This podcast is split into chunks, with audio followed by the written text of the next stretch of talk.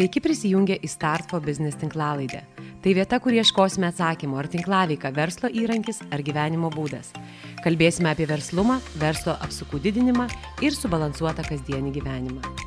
Ekspertai pasidalins žingsniais ir įžvalgomis, kurios įgalins jūs veikti. Mes, Juratė, Žaneta ir Laura, kalbinsime tinklalaidės pašnekovus ir ištrauksime iš jų viską, kas jums gali būti naudinga.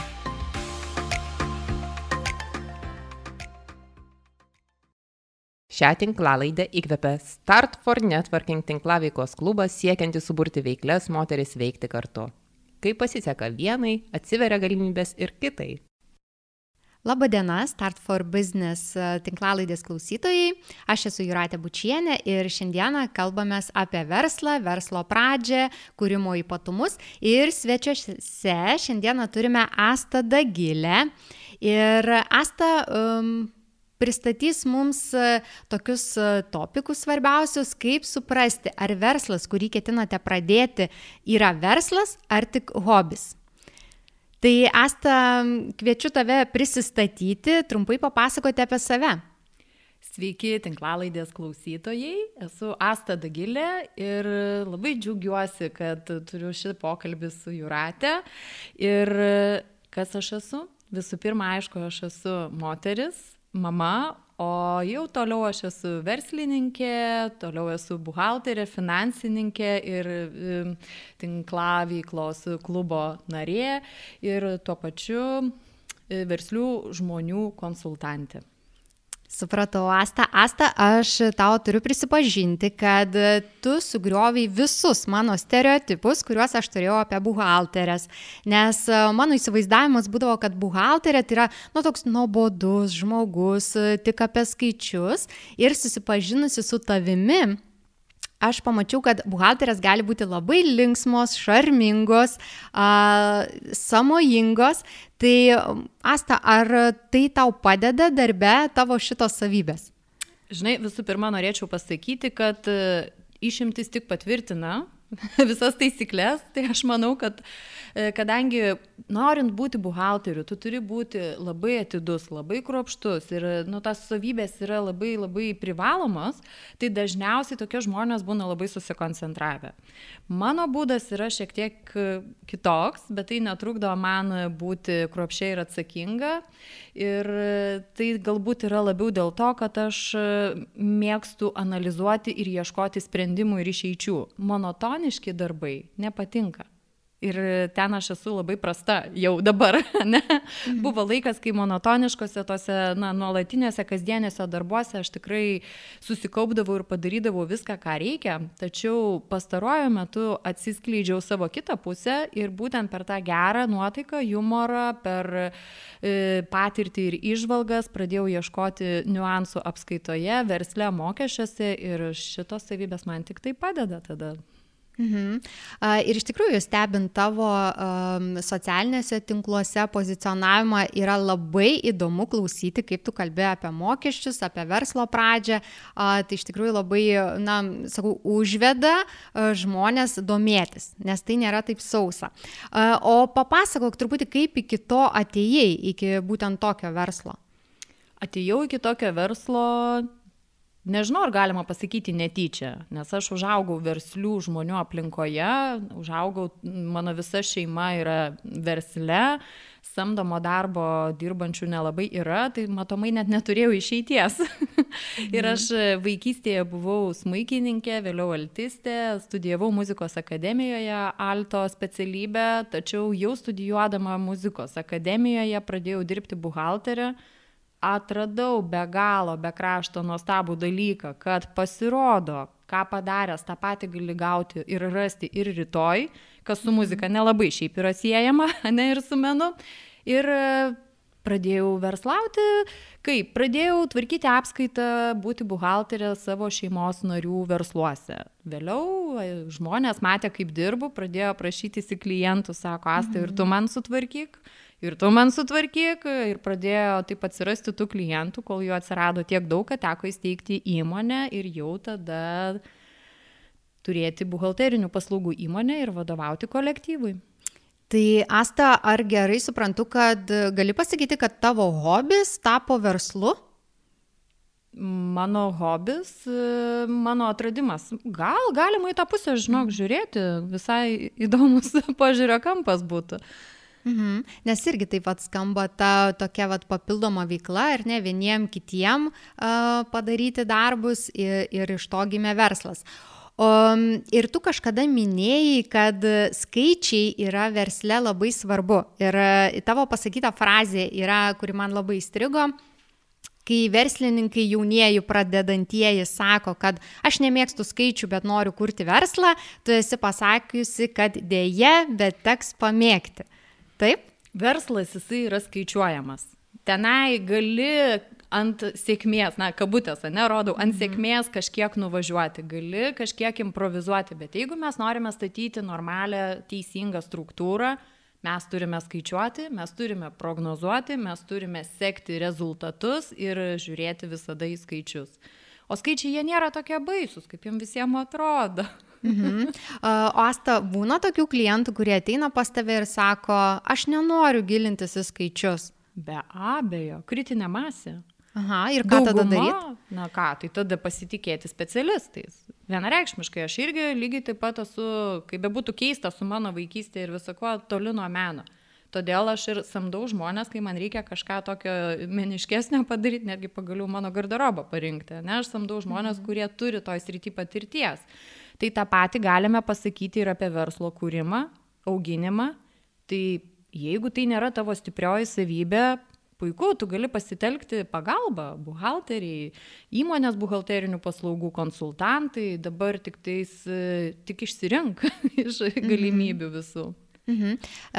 Aš dažnai girdžiu tokį pasakymą, kol įmonė būna maža, mažoji bendryje, ten, sakykime, um, vadovai sako, aš viską darysiu pats. Buhalterija pats, nes pagal įstatymą, nu kaip ir galiu pats viską daryti. Ką tu uh, manai apie tokį reiškinį?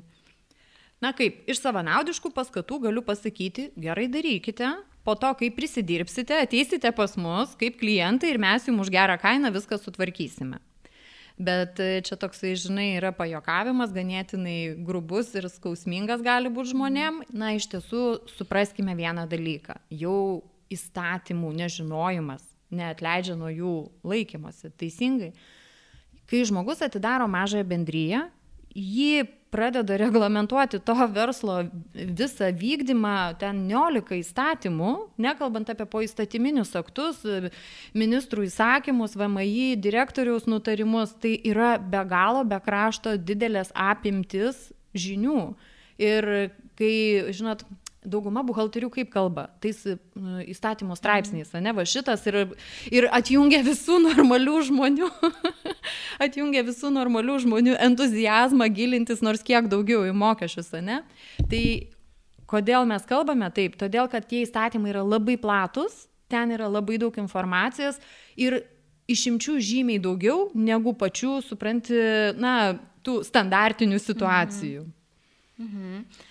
Tai šitoj vietoje aš visą laiką sakau, jeigu tu nori jausti ramybę dar plus, nu ką, ką aš parduodu, aš visada parduodu ramybę žmogui, Taip. kad jis turi patikimą partnerį, kad jis turi žmogų, kuris tikrai spe, e, specifinėje, sudėtingoje ir būtinoje srityje bus jo patikimas pagalbininkas ir žmogus, kuris nukreips teisingą kryptimį. Mhm, supratau. Um, ir aš žinau, kad pas tave klientai, kai ateina, tu padedi jiem ir paramą verslui gauti. Tai vėlgi tokia, na, to buhalterinės įmonės pridėtinė vertė turbūt.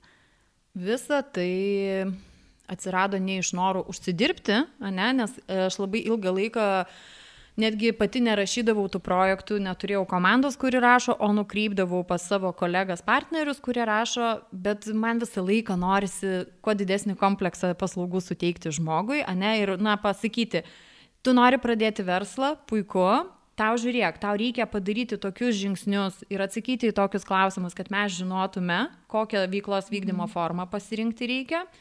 E, mes turime žinoti, kiek tau reikia pinigų, aš neturiu pinigų. Rasim pinigų. Pradedame kalbėti apie pinigus, randame pinigų ir tada netgi padedam įgyvendinti iki pat pabaigos, ne, kad žmogus jau mhm. startuotų su tuo verslu. Tikrai daug tokių istorijų yra ir kai mane žmonės klausia, ar tu gali rasti pinigų verslo pradžiai arba plėtrai, tai mano vienintelis klausimas yra, kiek tau reikia tų pinigų. Mhm. Supratau. Nu, iš ties puiku. Ir dar turiu tokį klausimą, čia tokių gal ir iš savanaudiškų tokių paskatų, nes labai įdomu. Tu labai kalbi apie delegavimą. Ar galėtum pasakyti, na, truputį plačiau šitą temą, ką tu turi omeny, kalbėdama, kad reikia deleguoti ne darbus, o atsakomybės? E, tu teisi, ruošiau nesenai visai pranešimą mm. apie verslo augimą, apie verslo apie hobio versmą į verslą. Ir e, iš tiesų supratau, kad bent jau mano patirtyje tai skaudžiausios pamokos buvo su netinkamu delegavimu. Ir galiausiai, mąstydama tą pačią formulę, ne, dauguma pasako, kokius darbus reikia deleguoti, ne, tenai, kaip išsirinkti, ką deleguoti, e, bet esmė tame žmonės pamiršta momentą, kad kai mes deleguojame užduoti darbus, atiduokime ir atsakomybę. Labai labai didelė problema yra smulkaus verslo, e, augančio verslo vadovų psichologijoje ir nu, elgesyje, kad jie deleguodami darbus nenori atiduoti atsakomybės tas atsakomybės atidavimas jiem kažkaip turbūt asocijuojasi su tuo, kad jie netenka galios. Mhm. Netenka kontrolės. galios, kontrolės, jie netenka galios, va, kad aš čia esu svarbiausias, va, aš esu čia vadovauju ir čia dabar yra mano verslas, ne, ir todėl mano žodis yra pats ten protingiausias ir lemiamas. Čia nešaržuoju apie kitus, aš apie save kalbu, apie savo praeitus etapus mhm. ir savo lygas, iš kurių teko pasveikti. Dabar jau supratau, kad deleguodama užduoti turiu atiduoti atsakomybę Tai yra žmogus turi aiškiai žinoti, ar tai mano darbuotojas, ar tai mano partneris, kažkoks kitas mhm. laisvai samdomas žmogus, aš jam atiduodu atsakomybę, tik tais e, mano darbas lieka sužiūrėti, kad jisai laiku atsiskaitytų ir atliktų viską. Mhm. Ir tada mano galvoj, kiek vietos atsirado. Aš, mhm. aš neturėjau kontroliuoti nuoseklių žingsnių daugumos procesų, man užtenka turėti tokius atskaitos taškus karts nuo karto, na vėl priklauso nuo darbuotojo kvalifikacijos ir lygio. Ir aš tada tik tai sužiūriu, kaip yra vykdoma viskas, man atiduoda jau padarytus darbus arba į mane kreipiasi tam tikrose mhm. tarpinėse stotelėse, ne, kai yra kažkokių užduočių, bet aš nesergu to klausimu. Aš jau viskas, aš paleidau ir priemu rezultatus arba padedu išspręsti kilusius e, klausimus eigoje. Mhm, suprantu. Ir tada man, ką girdžiu, tai atrodo, kad tada tas vadovavimas toks tampa lengvesnis. Nes ką ir girdžiu iš pradedančiųjų verslininkų, kad svajonėse turėjau tokį įsivaizdavimą, kad pradėsiu savo verslą, turėsiu daugiau laiko šeimai, o realybė tai yra visai kitokia realybė yra labai labai kitokia. Ypatinga pradžia, ne, kuomet, na, būkime realistai, mūsų dažniausiai finansiniai ištekliai labai labai riboti ir pradedam viską daryti patys.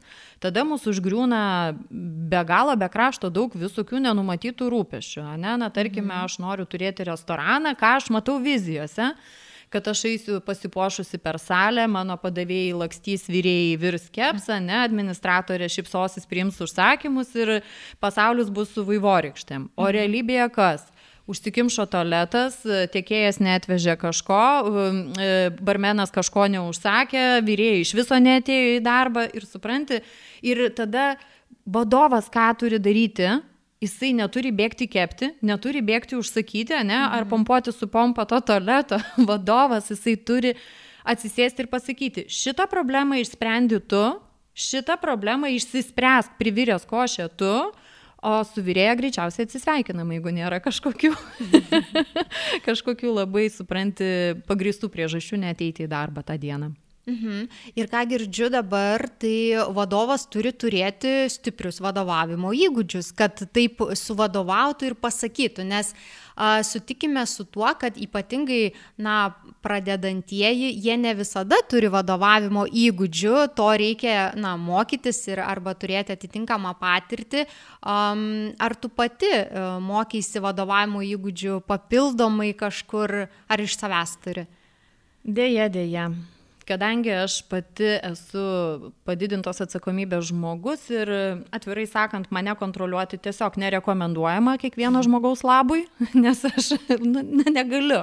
Kai aš pasakiau, kad padarysiu, aš padarysiu. Ne? Ir kai man pradeda iš, virs, iš viršaus klausinėti kas tris minutės, na, mhm. ne, tausokite save, žinai, taip pajokaujant.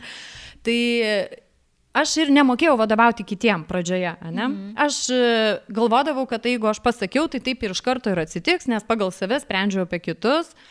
Turėjau tikrai daug nusivylimų, daug e, nesusikalbėjimų su darbuotojais, daug nesupratimų, kas su kuo negerai vyksta, kurioje vietoje, ne? Mhm. kas, kas yra negerai. Ir pastaruosius kelis metus e, šalia savo profesinių kursų, visų mokymų, galvoju, kad viena iš daugiausiai švietimo, e, žinai, saviugdos ryčių tai yra vadovavimas. Vadovavimas, supratimas žmonių psichologijos, užduočių delegavimas, aplamai e, žmonių tipų prieimimas su, ir suvokimas. Mhm. Ir galiausiai supranti, galima pasigirti Mhm. Galima, ne? Galima, žinoma, būtina. tai jau pradedu kartais apčiuopti, ne, kad mhm. ateinu į mokymus, jau būnu kažką kolektyvę padariusi ir ten moko taip, kaip aš jau padariau. Mhm. Yes. Reiškia, na, ta prasme, jau po lengva atsiranda tie rezultatai, bet tai yra tikrai daug prarytas skausmingų piliulių, ne, mhm. kai turėjau pasakyti, kad tai yra mano klaidos iš principo aš jau dabar tikrai visada galiu pasakyti, kad jeigu organizacijai kažkas vyksta blogai, labai paprasta sakyti, kad blogi darbuotojai, tenai bloga aplinka, bet iš tiesų, mhm. kaip bebūtų skauda, kaltas vadovas. Na, nes jisai nerado prieimo prie kolektyvo, nesuformavo tinkamo mhm. kolektyvo pagaliau. Mhm. Ir ką daryti, jeigu vis dėlto tas vadovas, savininkas, nu, neturi tų įgūdžių tokių? Čia yra labai paprastas e, pasirinkimas vienas iš dviejų, arba juos ugdyti, arba, na, gerai, iš trijų, arba, arba ugdai, arba niurkaisi tame, kur tu esi, mhm. arba samdai išorinį žmogų, kuris galėtų atlikti šitas funkcijas. Iš mhm. kitos pusės tai nėra blogai pasamdyti kitą žmogų ir galbūt dažniausiai tai dažnai tai gali būti labai geras sprendimas, ne? Mhm. Nes, na, jeigu visgi aš noriu tik tai kirpti, ne, kepti, mhm, tai tebūnė, bet nenoriu kepti kitiem, tai ne, nenoriu užsiimti tą visą organizaciją, nenoriu vadovauti tiem visiems gaisriukam mažiem. Tai galbūt tikrai pasamdau vadovą, kuris atlieka visas tas funkcijas, aš kaip savininkas verslo galiu būti ir uždirbti iš to pinigų per dividendus. Mhm. Ir būdamas viduje, aišku, stebėti, kad organizacija teisingai auktų įmonė. Mhm, supratau. Ir dabar grįžtant prie mūsų dar temos, ar ne, tos pagrindinės, tai kaip reikia pasimatuoti, ar tas verslas yra verslas, ar visgi jis pasmerktas likti tik hobiu? Skaičiuoti. Mhm. Ir Tikrai. nuo ko pradėti tos skaičiavimus? Jo, nuo ko pradėti skaičiavimus? Visų pirma, Skaičiuoti galime prieš pradėdami, galime skaičiuoti pradėję verslą, galime skaičiuoti tuo metu, kai užbuksavom ir nesuprantam, kas darosi. E, tai nėra, žinai, kad verslo planą gali rašyti tik tai ne, neveikiančiam, dar nepradėtam. Mhm. Ne, skaičiuokim bet kurioje stadijoje ir netgi kai gerai, irgi skaičiuokime, ne? nes galbūt mhm. gali būti dar geriau. Mhm. E, suskaičiuokime paprastus dalykus. Ką mes numatome, kiek uždirbti pinigų ne? Mhm. Kiek sąnaudų mums kainuos uždirbti tos pinigus? Maksimaliai nusimatykime visas išlaidas, kokias turėsime ir pagaliau turime žinoti, kiek prekių, paslaugų mes turime parduoti tam, kad išgyventume. Dažniausiai aš siūlau žmonėm, pradedantiem verslą, turintiem turėti mažiausiai tris scenarius. Mhm. E, tai yra mažiausiai tris veiklos perspektyvas, planas minimum, planas optimum ir planas maksimum. Ir pati esu vieno verslo filialą kitame mieste uždariusi, nors įmonės, nors to filialo veikla nebuvo nuostolinga, mhm. tenai dirbom, uždirbom, bet ten vykdėm tik planą minimum. Mhm. O aš norėjau bent jau optimum, ne? Aš iš aplamai nusistačiau, kad jeigu nebus optimum, viskas, mes uždarom tą vietą, nes tai yra darbas vardant darbo. Toksai gaunasi niurkimas. Taip. Ir galvo, galvoju tą tokį, žinai, dažna problema yra pas e, solo verslo, kuris paaugo, ne, pas smulkaus verslo savininkus, jie labai susitapatina su savo prekia ir paslauga. E, būna, žinai, tas momentas, kad žmogus sako, kad aš ir esu mano ta paslauga, na, tik viens prieš vieną, supranti, labai labai susitapatina ir neatsitraukia, nepasižiūri iš šono, o ką darytų Nu ką padarytų nu, koksai grandas verslo, ne, kuris pamatytų tavo skaičius, pamatytų tavo situaciją, ar jisai tikrai vystytų šitą veiklą.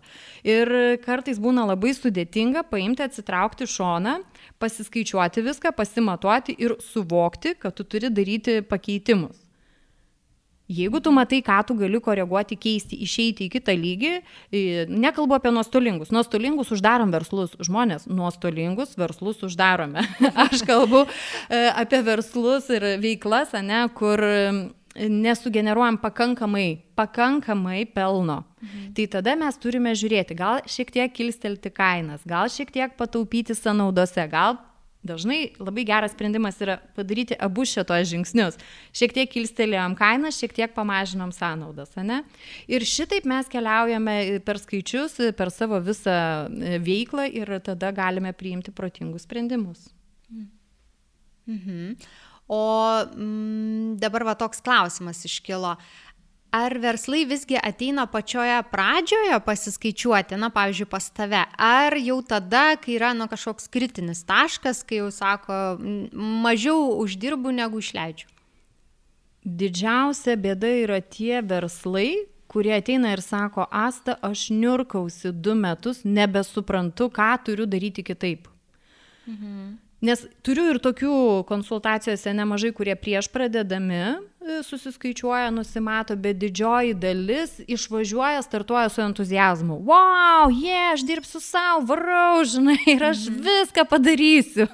ok, ir jie važiuoja, važiuoja, bet ant šitos, supranti, ant tokio entuzijazmo toli nenuvažiuosi, realybė nu, atsisuka pati į save, ne? Ir va tada ateina tie tokie pavargę žmonės ir sako, aš nebesuprantu, ką aš netaip darau, Mhm. kur turiu ką pakeisti. Ir dažnai mums užtenka padaryti visai nedidelės korekcijas. Ateina drabužių prekinio ženklo, ne, kuriejai, jie išleidžia kolekciją, bet jie nežino kiekvienos prekės savikainos. Mhm. Aš darau, kad būtų gražu, aš darau, kad būtų tenai, supranti, ekologiška, ergonomiška. Ok, bet kiek tai kainuoja padaryti? Nu, maždaug tiek, maždaug netinka versle. Mhm. Suskaičiuok. Suskaičiuok iki kiekvieno cento, iki siulės, iki užsiuvimo, iki etiketės. Gerai, vienas punktas, ne, jau mhm. žinom mhm. kainą. Antras punktas, e, kaip nustatėjai pardavimo kainą?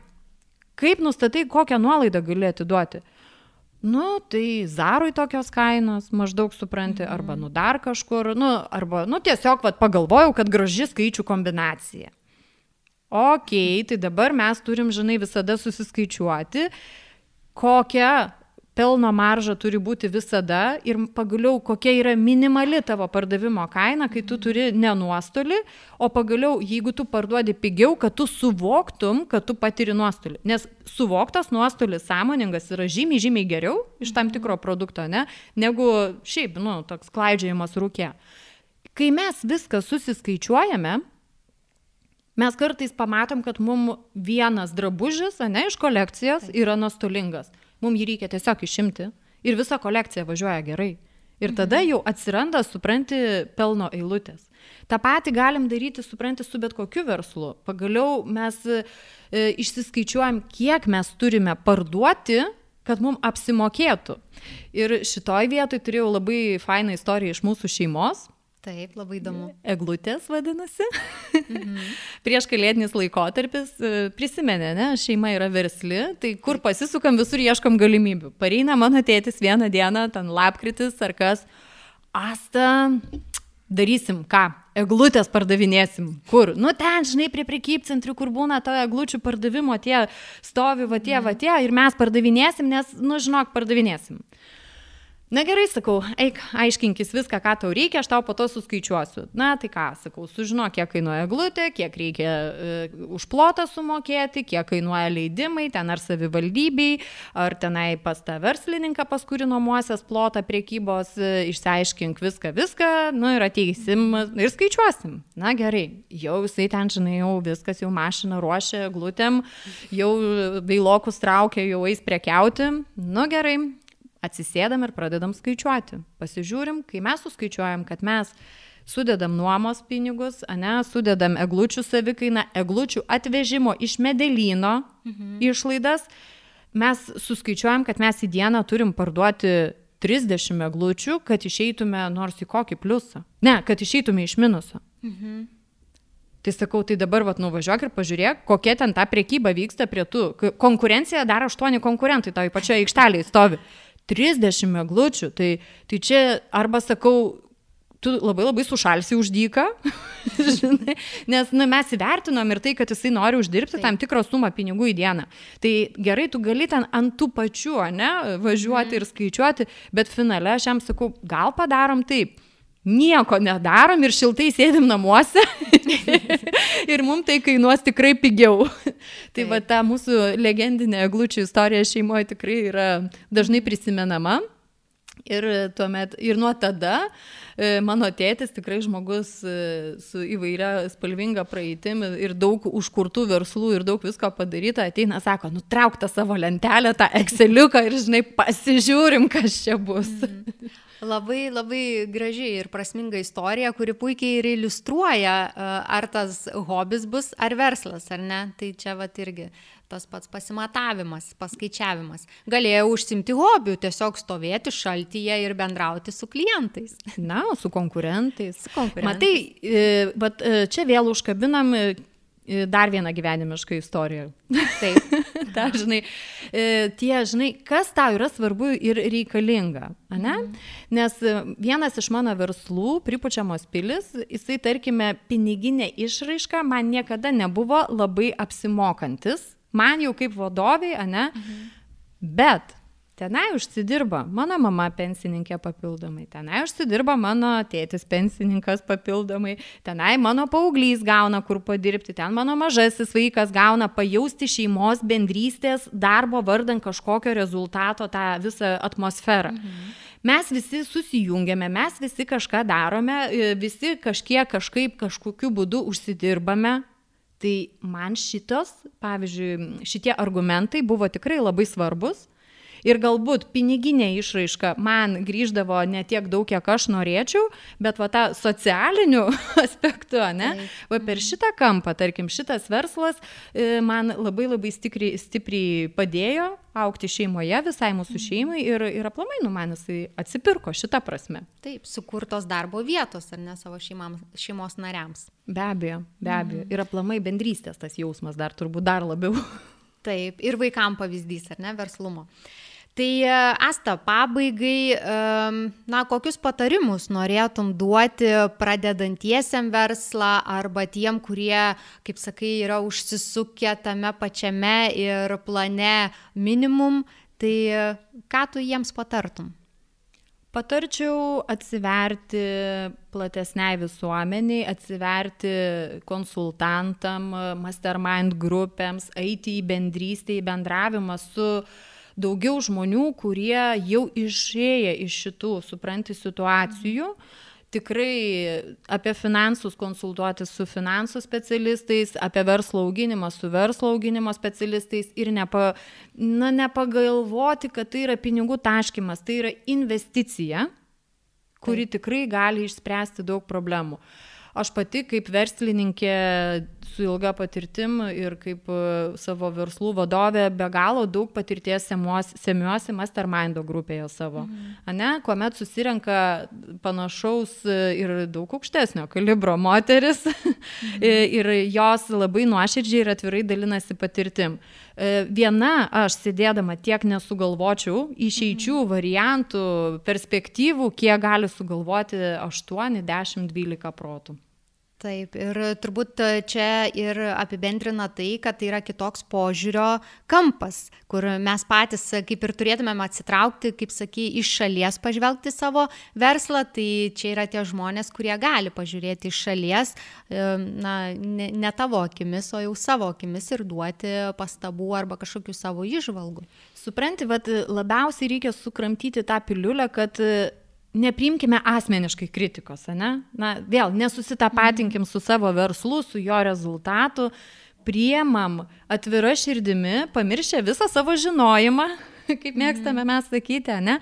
priemame visą tai kaip gero linkėjimą, kaip patirties pasidalinimą ir tada perfiltruokime. Nėra lengva priimti kritiką. Tikrai kitą kartą tris dienas einu pikstu bambu ant visų, ką jūs čia nusišnekat, bet po to galiausiai pagalvoju, kad taip, tie žmonės yra teisūs. Čia kaip sėdėdamas pelkėje, tu nepamatysi, ne, viso to mhm. grožio, kas yra aplinkui, nes tu sėdi paskendęs toj pelkiai.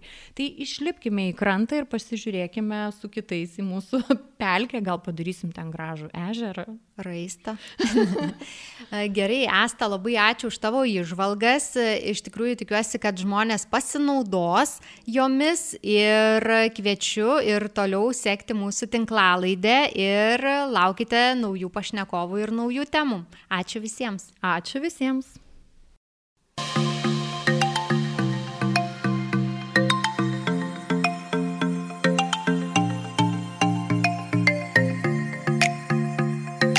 Šiame etape daugiau informacijos apie tinklalaidę galite rasti www.startfonetworking.lt puslapyje bei Startfo Networking Instagram ir Facebook paskyrose.